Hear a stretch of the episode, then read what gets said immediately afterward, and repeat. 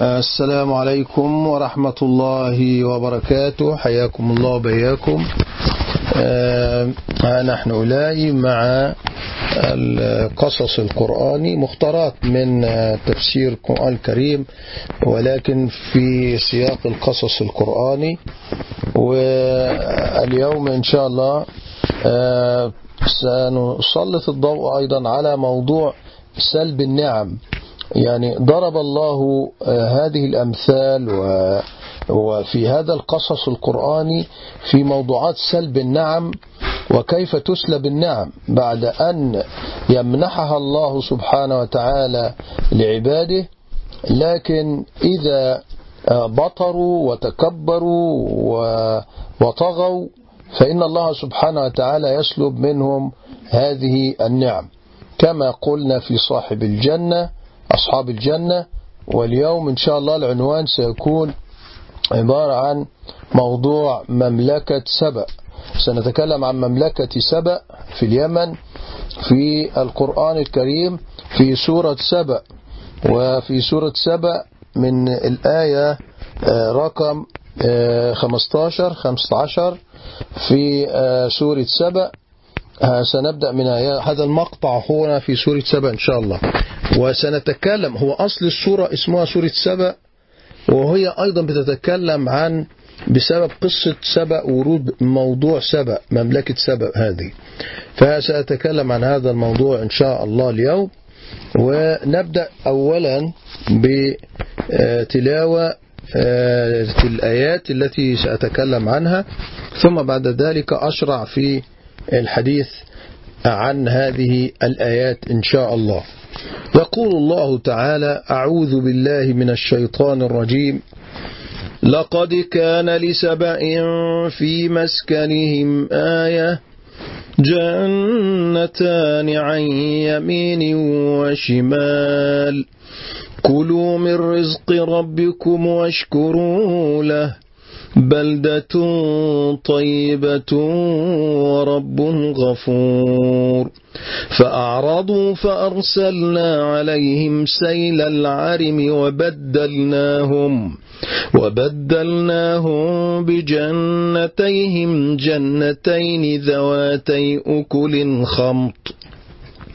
جنتين ذواتي أكل خمط وأثل وشيء وشيء من سدر قليل.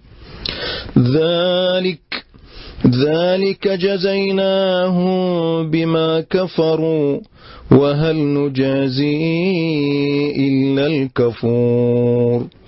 وجعلنا بينهم وبين القرى التي باركنا فيها قرى ظاهرة قرى ظاهرة وقدرنا فيها السير. سيروا فيها ليالي وأياما آمنين. فقالوا ربنا باعد بين أسفارنا وظلموا أنفسهم وظلموا أنفسهم فجعلناهم أحاديث فجعلناهم أحاديث ومزقناهم كل ممزق. إن في ذلك لآيات لكل صبار شكور. هذا هو المقطع أو المشهد الذي سندندن حوله الليلة إن شاء الله. في هذا الموضوع موضوع مختارات من القصص القرآني. اليوم هو الرابع من شهر رمضان لسنة 1441 من الهجرة النبوية المباركة الموافق للثامن والعشرين من شهر إبريل لسنة 2020 أجدد التحية. السلام عليكم ورحمة الله وبركاته. مرة أخرى. هذه الآيات لقد كان لسبأ في مسكنهم آية. طبعا نحن هنا لست بصدد أننا نشرح تفاصيل ونوغل في التفسير. يعني هنا فقط نأخذ العبرة ولكن بنطوف حول الموضوع وندندن حول الموضوع من أجل العبرة. لقد كان لسبأ في مسكنهم آية. إذا نحن نتكلم عن موضوع بلدة منطقة مدينة حضارة اسمها حضارة مملكة سبأ. هذه مملكة عريقة جدا. قيل أنها كانت قبل ميلاد المسيح عليه السلام بقيل بمائتي عام في قيل بألف عام. يعني لا يهم المهم المغزى لا يهم هنا المغزى القصة يعني. أنها مملكة كانت موجودة في المدى اليمن. وتقريبا يقول الإخباريون والأثريون يقول أنها كانت في منطقة مأرب كانت العاصمة هناك. عاصمة هذه المملكة الكبيرة العظيمة كانت حضارة من أرقى أرقى ما وصلت إليه البشرية في ذلك العصر. في تلك الفترة كان الله سبحانه وتعالى أعطى هذه البلاد ومنح هؤلاء العباد من القوة ومن ال ال كل ما تتخيلون تتخيلونه من الخيرات. سبأ لا لا يهم ان سبأ هذا اسم رجل اسمه سبأ وفي الآخر ينسب إلى سيدنا آدم. المهم ان هو سواء اسم رجل أو هو اسم شيء معين شخص أو منسوبة إليه اسم مكان. المهم هذا سبأ هي التي المذكورة الآن في القرآن للعبرة. لا. وقيل إن ملكة سبأ اللي هي بلقيس كانت في هذه المملكة. يعني هذه المملكة لأنها مملكة كانت عمرت كثيرا. وهذه حضارة ممتدة عريقة. والحدود الجغرافية الآن تغيرت. يعني كانت هذه الحضارة ممكن تدخل على حدود أرض الحرمين وفي الجزيرة ممكن تدخل عمان وتدخل يعني كانت كبيرة جدا. فهذه هذه المدينة كانت الله سبحانه وتعالى رزقهم من الخيرات. من كانوا مثلا الأرض فيهم كانت الأرض هناك عبارة عن وادي كبير جدا بين جبلين مجموعة من الجبال وهذه الأراضي تأتيها الأمطار فهناك أرشدهم الله سبحانه وتعالى إلى أن هم بنوا هذا السد السد العظيم يسمى سد مأرب هذا مأرب. هذا السد كانت في عبارة كانت بتأتي فيه الأمطار يحجزونها من السيول الغزيرة هذه فكانت تحت إيه عبارة عن بوابات. لفصل يعني على يقسمونها للري وللزراعة وكانت بوابات محكمة جدا لحجز المياه واسع أكاد من أعظم السدود في التاريخ. يعني فكرة السدود لحجز المياه كانت هي في سد المأرب والله سبحانه وتعالى ضرب لهم المثل لأن هذه المياه التي كانت مهدرة من قبل وكانت عبارة عن فيضانات تأتي ولا يستطيع الإنسان أن يستفيد من هذه المياه فبنوا هذا السد. السد هنا بعد ذلك كانوا يوزعون الري ري الزراعة فالأرض عندهم خصبة. فالأرض الخصبة هذه كانت زرعوا فيها كل شيء كل ما تتخيل منها عندهم النخيل والزرع وعندهم كل ما تتخيلونه من الأعناب وغيرها. حتى كل عنب اليمن بلح الشام وعنب اليمن كانت مزهورة مشهورة بهذا. فكان الله سبحانه وتعالى رزقهم كل هذه الطيبات وكل هذه الخيرات. في في هذه الأراضي الواسعة وكانت عبارة عن عبارة عن جنتين يعني حديقتين بستانين عظيمين فيهما كل ما تتخيلانه أنه من الإيه؟ الخيرات. وكان الإنسان فيهم لا يوجد في هذه المدينة أو في هذا المكان الإقليم الضخم هذا كان لا يوجد فيه لا حشرات ولا ذباب ولا ناموس كما يقول الإخباريون ولا يوجد عندهم ما يعكر صفو حياته. لا يوجد أي شيء من منغصات حتى العادية. كأنهم يعيشون في جنة على الأرض. فكل هذه الخيرات وكل هذه بل إن المرأة كما يقال الواحدة تطلع بال... بحط القفة على رأسها بس بتسير في الشارع لغاية ما تذهب إلى بيتها فكانت القفة عبال ما توصل البيت تكون مملوءة من الثمرات لأن الثمار تسقط لوحدها. لا تحتاج أنها تتعب وتعبي وتضربها مثلا بعصا وشيء حتى ت... لا كان كان الرجل المسافر من القرى الأخرى يمر والم...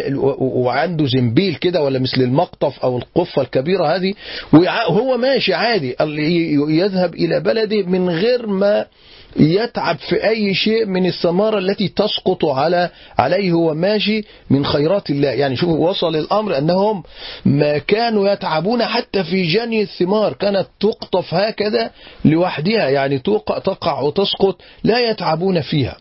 وكانوا في أمن يعني في هناك شيئان في الدنيا أفضل أشياء أفضل شيء عند الإنسان تحتاج إلى إلى أمن وأمان. الأمن وأمان هذا. يزيد سعادة الدنيا. عندما الواحد يعيش آمنا ولم لا يخاف ولا يوجد أي شيء والرزق والرزق مرتاح. لا يوجد لا يفكر في ليله في الرزق. لا يفكر كيف سيتعب بالنهار لكي يحصل على قوت نفسه وعياله مثلا أو على من يعول. لا يوجد هذا التفكير. كل شيء هناك منظم مملكة منظمة جدا حضارة قائمة بذاتها في كل شيء خيرات تأتيها من عند الله سبحانه وتعالى تجارتهم مع القرى الأخرى والمدائن التي كانت في عصرهم في الشام في ذلك في تلك الفترة كانت سهلة جدا لا يوجد حتى في أسفارهم تعب. لا يوجد في أسفارهم يعني مثلا هم في اليمن القرى المباركة كانت الشام يعني ما بين اليمن إلى الشام مسافة كبيرة. يعني ممكن تاخد شهر مثلا في ال في, في ال بالجمال أو بالإبل أو مثل هذه فكانت هذه من من اليمن إلى الشام إلى فلسطين وإلى حتى إلى ما تطلع إلى سوريا قبل التقسيمات هذه. لأن أرض الشام يقصد بها أرض الشام الأرض الشام الكبرى العظيمة هذه كلها. فالشام هي يقصد بها فلسطين ويقصد بها سوريا ويقصد بها الأردن ولبنان حاليا. لكن لبنان هذه لم تكن موجودة بالمعنى. ولكن كل هذه اسمها الشام. فهذه أما المقصد اللي عندما نقول الشام أحيانا نقول نقصدها فلسطين ولكنها تقصد كل هذه. فكانوا يذهبون من اليمن هذه صحراء مفاوز حاجات مخاطر كبيرة جدا. على بال ما توصل هناك ممكن اللصوص قطاع الطرق الوحوش. ما كان يوجد مثل هذه. كان ما بين القرية والقرية قرية. قرية قرية قرية. يعني بحيث المسافر يخرج من قريته مسافة بسيطة جدا يجد قرية يرتاح فيها. قرية ثانية يرتاح فيها. يشعر أنه لا يتعب نهائيا حتى يصل إلى الشام. لماذا؟ لا يوجد صحراء لا يوجد أي مسافات بعيدة. قرب الله المسافات. جعل الناس قرى كثيرة جدا. بحيث كأنها محطات ترانزيت كده الواحد يرتاح فيها. فقرى أول ما يوصل من قرية يخرج عدة كيلو متر بسيط حاجة بسيطة. لا يوجد أي تعب. انظروا إلى الراحة نعيم سؤدد شرف في كل شيء. والله سبحانه وتعالى منحهم كل هذه العظمة. المياه تأتيهم المياه الإيه؟ العذبة. وهذه يشربون والسد يعني في منتهى منتهى الإحكام. ها؟ فحتى في بعض في العصر الحديث حاولوا يجاروا مثل هذا السد لم يستطيعوا من الجمال والإحكام وكيف كان عمر كل هذه الفترات الطويلة من الزمن وهذا كان من نعم الله عليهم. لم يطلب الله منهم شيئا إلا أن يشكروه يعني اشكروا الله يحمدوا الله. لكن ماذا حدث لهذا الإنسان؟ انظر هذا نبدأ في بقول الله تعالى وهذه عبرة لاحظوا هذا القرآن يتلى على رسول الله صلى الله عليه وسلم ليبين له أن العاقبة للمتقين. لا يغرنك تقلب الذين كفروا في البلاد لا يغرنك قوتهم. وهناك حضارات وهناك أمم إرم ذات العماد التي لم يخلق في مثلها في البلاد. هناك فرعون وفرعون مدينة فرعون الكبيرة العظيمة هذه. وعندك ثمود وعاد وهذه الحضارات الضخمة في الآخر. كلها لما طغوا في البلاد فأكثروا فيها الفساد فصب عليهم ربك صوت عذاب. إن ربك لبالمرصاد. هو وكذلك أخذ ربك إذا أخذ القرى إن أخذه أليم شديد. هذا. فالله تركهم هكذا فإذا بهم يقول الله تعالى في بداية هذه الآيات يقول لقد كان لسبأ في مسكنهم آية.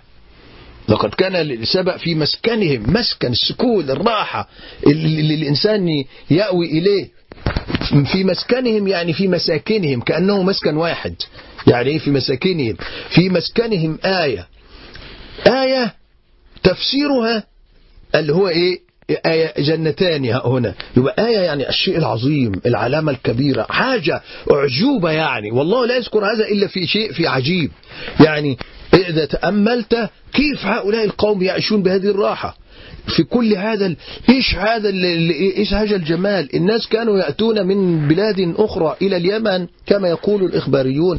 يأتون إليهم وربنا سبحانه وتعالى يجعل من أجواء هذا البلد شفاء لهؤلاء للمرضى جو جميل. لا يوجد فيه أي غبار أي شيء لا تتخيلونه لأصحاب الأمراض. كانوا للاستشفاء يأتون إلى هذه البلاد أيضا للاستشفاء. لا يوجد فيها قلنا ما كنا لكم لا فيها حشرات ولا هوام ولا فيها هذه الأشياء. بيئة صالحة كأنها قطعة من جنة الله في الأرض. فكل ذلك قال الله تعالى لقد كان لسبع في مسكنهم آية جنتان عن يمين وشمال. جنتان بستانان عظيمان يعني يعني مسائل حاجات كده حدائق كبيرة جدا من الثمار والنخيل والأعناب وكل ما تتخيلونه. ها؟ جنتان عن يمين وشمال. كلوا من رزق ربكم واشكروا له. بلدة طيبة ورب غفور. شوف كلوا من رزق ربكم. هذا رزق الله وليس رزقكم. هذا رزق الله. واشكروا له. يعني لم يطلب الله منهم شيئا. يقول لهم اشكروا هذه النعمة. يعني ولئن شكرتم لأزيدنكم لكنهم لم يشكروا طبعا. كلوا من رزق الله واشكروا له. أشكر له. هذه بلدة طيبة. بلدة شوف عندما الله يصف البلدة إنها طيبة. طيبة تربتها طيب هواؤها طيب ماؤها طيب زرعها طيبة في كل شيء. كلمة طيب. الطيب الجميل الذي يخرج ينقي الخبث. لا يوجد في خبث لا يوجد في أي شيء دخن. بلدة طيبة. ورب غفور. يا الله انظر إلى الجمال. بلدة طيبة بكل ما تتخيله من معنى كلمة طيب هذه بلدة طيبة وبالإضافة إلى ذلك رب غفور يغفر الذنوب. حتى وإن إن أذنبتم وأنتم في هذه البلدة الطيبة واستغفرتم الله فإن الله غفور رحيم. يعني ما بلدة طيبة لكن فيها ممكن يكون فيها ناس عصاة أيضا. ولكن ستجدونني يعني أن الله سبحانه وتعالى يقول ستجدونني غفارا رحيما في هذه إذا تخيلوا في أفضل من هذا النعيم بلدة طيبة ورب غفور.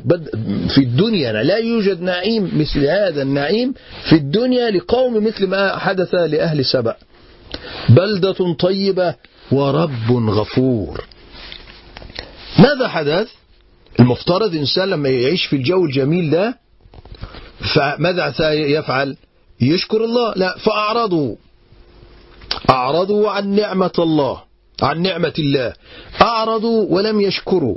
وتبطروا واغتروا بقوتهم. قالوا لولا السد ولولا أن السد محكم ولولا عباقرتنا هؤلاء المهندسون ولولا أننا لدينا أفضل الزراع وأفضل هؤلاء الفلاحين ولدينا العمال المهرة ما يعني من من من أفضل منا في القرى الأخرى ولا المدن؟ كلمة قرية في القرآن غالبا معناها ليست القرية الصغيرة قرية يعني مدينة يعني حاجة كبيرة يعني ف فمن من من من أفضل من أفضل منا؟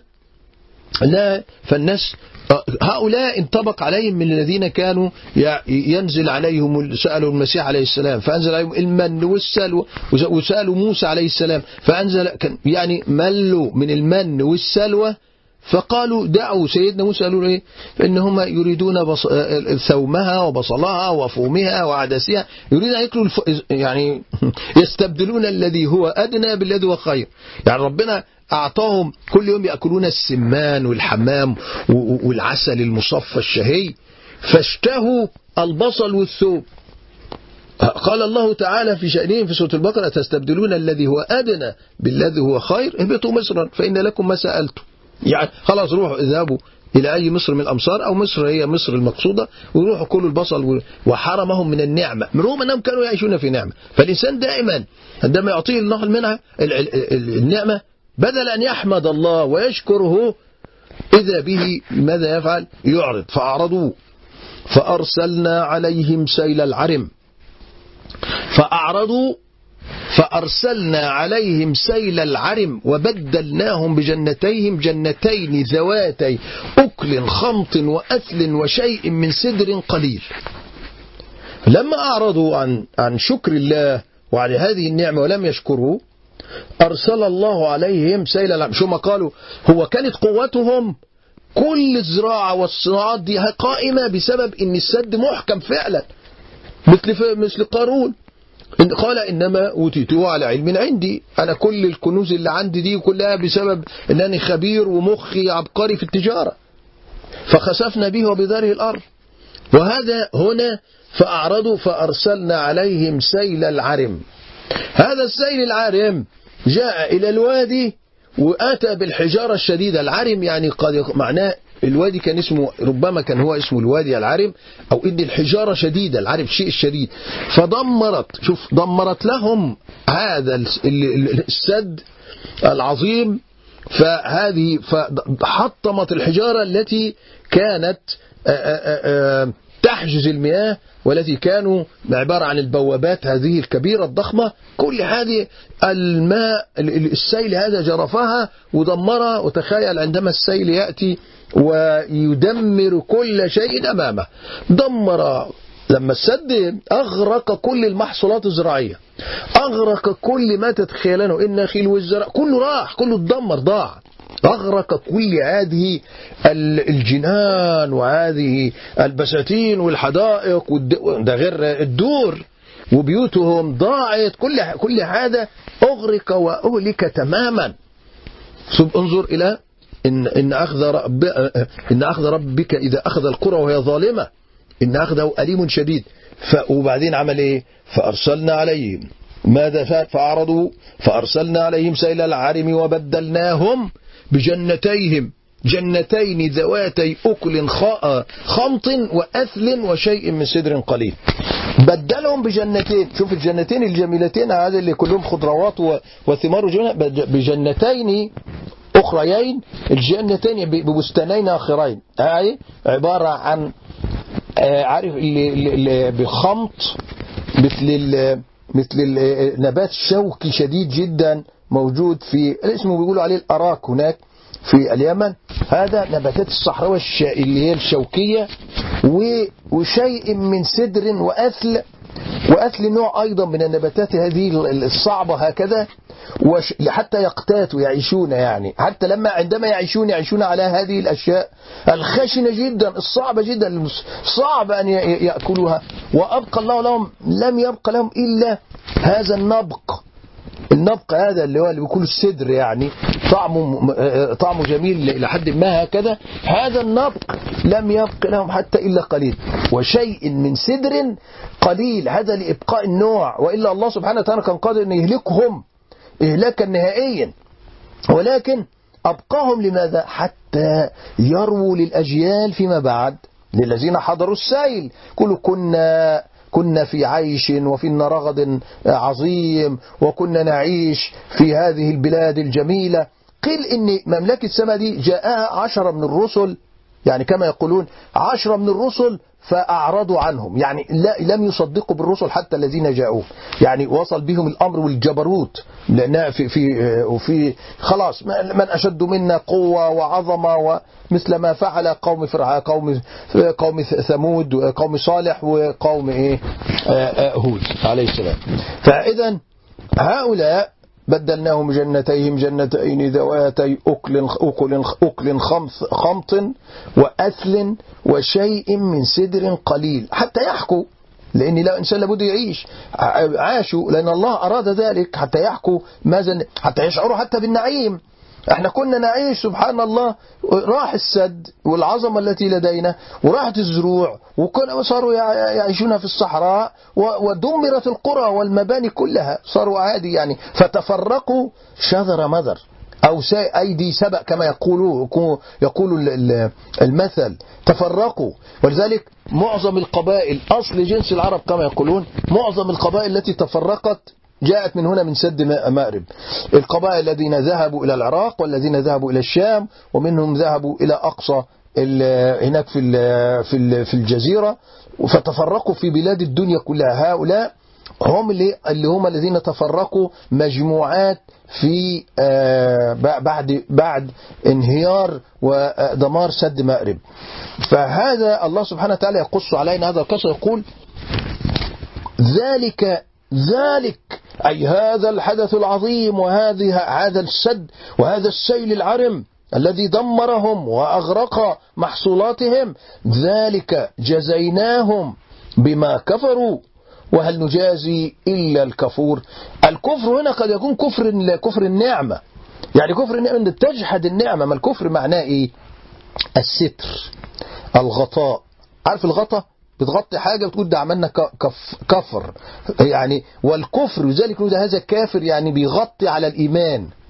وزيك الناس في البلاد يقول لك إيه؟ هذه كفور. الكفور في بلاد مثل مصر مثل مصر وغيرها. مصر يقول لك كفر الشيخ كفر فلان وكفر حاجة. الكفور هذه معناها المكان الإيه؟ المغطى اللي من تحت الأرض أو عليه أشجار أو شيء. فهذا لذلك يقول لك الكافر بيستر. ها؟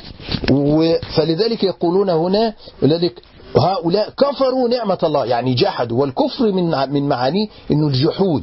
فهم كفروا نعمة الله. ذلك جزيناهم بما كفروا. وهل نجازي إلا الكفور؟ والله لا يجازي إلا من يجزيهم بهذا العذاب. إلا من يكفر ويجحد نعمته ثم يقول الله تعالى وجعلنا بينهم وبين القرى التي باركنا فيها قرى ظاهرة وقدرنا فيها السير سيروا فيها ليالي وأياما آمنين. ربنا سبحانه وتعالى شوف أعطاهم نعمة من هذه النعم اللي هي إيش؟ جعلنا بينهم يعني بين قراهم قريتهم مدينتهم حضارتهم وبين القرى الأخرى قرى ظاهرة. يعني هذه القرى الظاهرة يعني قرى بارزة موجودة بحيث عندما وصلوا إلى الشام أو إلى أي مكان تكون موجودة أمامهم يرتاحون. قل سيروا فيها ليالي وأياما آمنين. في أكثر من نعمة الأمن. أي كانت المرأة تخرج أو الرجل يخرج لا يتعرض له لا ذئب ولا أسد ولا يتعرض له لص ولا يتعرض قاطع طريق. لا يتعرضون إلى شيء. بلاد آمنة كاملة. يعني لو خرج من مدينتي من قريتي إلى قرية أخرى إلى قرية أخرى, أخرى إلى أقصى الدنيا. يعني أقصى ما يصل في بلادهم في التجارة وغيرها وفي الزيارات. كل ذلك لا يصاب بأذى قرى ظاهرة. سيروا فيها ليالي وأياما. يعني يسيرون فيها ليالي وأياما آمنين. حتى لو ناموا في أي مكان. لا أحد يقترب منهم ولا أحد يؤذيهم ولا الناس راحة جاية. أمان لا يوجد أفضل من هذا الأمان حتى في تاريخ البشرية. لا يوجد أفضل من هذا الأمان. قل سيروا فيها ليالي أي أياما وليالي ليالي وأياما آمنين. أمان نعمة الأمان. قالوا بعد كل هذه النعمة الأمان بيصير براحته لا يوجد أحد لصوص ولا يخاف على نفسه وعلى ماله ولا أي شيء. فقال قالوا إيه؟ فقالوا ربنا باعد بين أسفارنا وظلموا أنفسهم. تخيل ربنا مسهل لهم السفر ومسهل لهم كل شيء. فإذا بهم يدعون الله ربنا باعد بين أسفارنا. نريد سفرا طويلا. مل يعني يريد يعني يستمتع أكثر بالسفر. إيش السفر اللي كله سهل هكذا؟ يريدين الصحراء ويريد أماكن بعيدة. يعني انظر إلى الشقاء الإنسان. الله يسهل له الأمر ويسهل له السفر ويطوي لهم بعد هذا السفر ويجعل لهم هذه الكرة السهلة يرتاحون فيها. فإذا بهم يقولون لربهم نريد يا ربنا بيدعون هكذا. باعد بين أسفارنا. باعد بيننا بين أسفارنا. الله ربنا باعد بين أسفارنا. خلي سفرنا بعيدا. وظلموا أنفسهم. يعني دعوا هذا وعملوا كل هذا ها بكل الأمان. ولم يشكروا الله لم يعترفوا بنعم الله ولا بالراحة ولا بالسعادة ولا بالرزق ولا بالأمان. وظلموا أنفسهم لأنهم وضعوا الأشياء في غير موضعها والظلم معناه تضع شيء في غير موضعه. وذلك نقول هذا رجل حكيم يضع الشيء في في موضعه عادل يعني بيضع الشيء في موضعه. وذلك وظلموا أنفسهم. وضعوا. ظلموا أنفسهم. كيف ظلموها؟ لأنهم عندما جحدوا نعمة الله فهذا ظلم. وضعوا الشيء في غير موضع وضع الشيء في موضع هو أن يوحدوا الله أن يعترفوا بنعم الله فهذا اسم العدل وهذا من الحكمة لكنهم لم يفعلوا وظلموا أنفسهم فجعلناهم أحاديث فجعلناهم أحاديث ومزقناهم كل ممزق فجعلناهم أحاديث يعني جعلهم أن جعل الناس يتحدثون عنهم. ويقولون اذكر وذلك نحن نذكر نذكر في القصص ونحكي في الحكايات ونحن نحكي عنهم الآن ما إحنا هو القرآن ذكر عنهم أنهم أحاديث الآن ونحن نتكلم عن حديثهم. فكان الناس العرب يقولون إذا تفرق أي قوم أو حدثت مشكلة بين بعض الناس كانوا مجتمعين يقولون تفرقوا أيدي سبأ كأنهم مثل القبائل مثل الذين دمروا بسيل العرم هؤلاء بأهل أهل سبأ. يضرب هذا المثل فيه في أي تفرق. أي جماعة كانت مجتمعة فتفرقوا يقولوا إيه؟ فتفرقوا أيدي سبأ. فأنت تسأل ما حكاية أصل أهل سبأ؟ ما حكاية مملكة سبأ؟ فأنت تقول نعم الله أعطاهم النعم ثم كفروا نعم الله سبحانه وتعالى فأهلكهم ومزقهم كل ممزق. يعني جعلهم يتشرذمون. قطع يتمزقون في كل مكان يذهبون إليه. فتمزقوا بعد أن كانوا قوة بعد أن كانوا واحدة واحدة مجتمعا واحدا فإذا بهم تمزقوا. ومزقناهم كل ممزق. إن في ذلك لآيات لكل صبار شكور. ها إن في ذلك أي في هذا القصص في قصة في حكاية أهل سبأ في ذلك لآيات.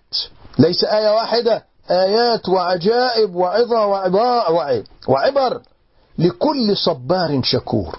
فص... لكل صبار لأن لو أنهم صبروا لأن الصبر أيضا يحتاج أنك ممكن تصبر على الضراء وتشكر الله في السراء. على ربنا يعطيك نعمة تشكر.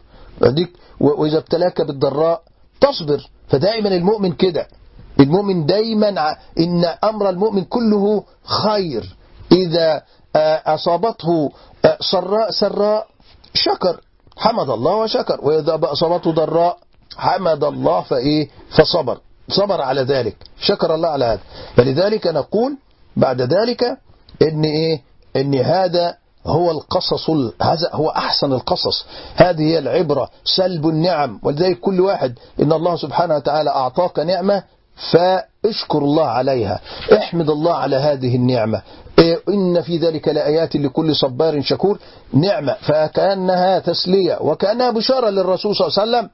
إنك أيضا هؤلاء القوم الذين يؤذونكم وهؤلاء الكفار الذين يعاندونكم هذا جزاؤهم سيتمزقون ويتفرقون وأنتم الأعلون الأعلون إن شاء الله. فلذلك نفس, نفس هذا الموضوع. إذا شكرت الله على نعمه وإذا صبرت على الضراء وعلى الابتلاء فالله سبحانه وتعالى يعطيك الحماية صك غفران من الله سبحانه وتعالى في الدنيا والآخرة. نسأل الله العظيم رب العرش العظيم أن يبصرنا بما يعلمنا وإن شاء الله مع قصة أخرى وحكاية أخرى من القصص القرآني العظيم.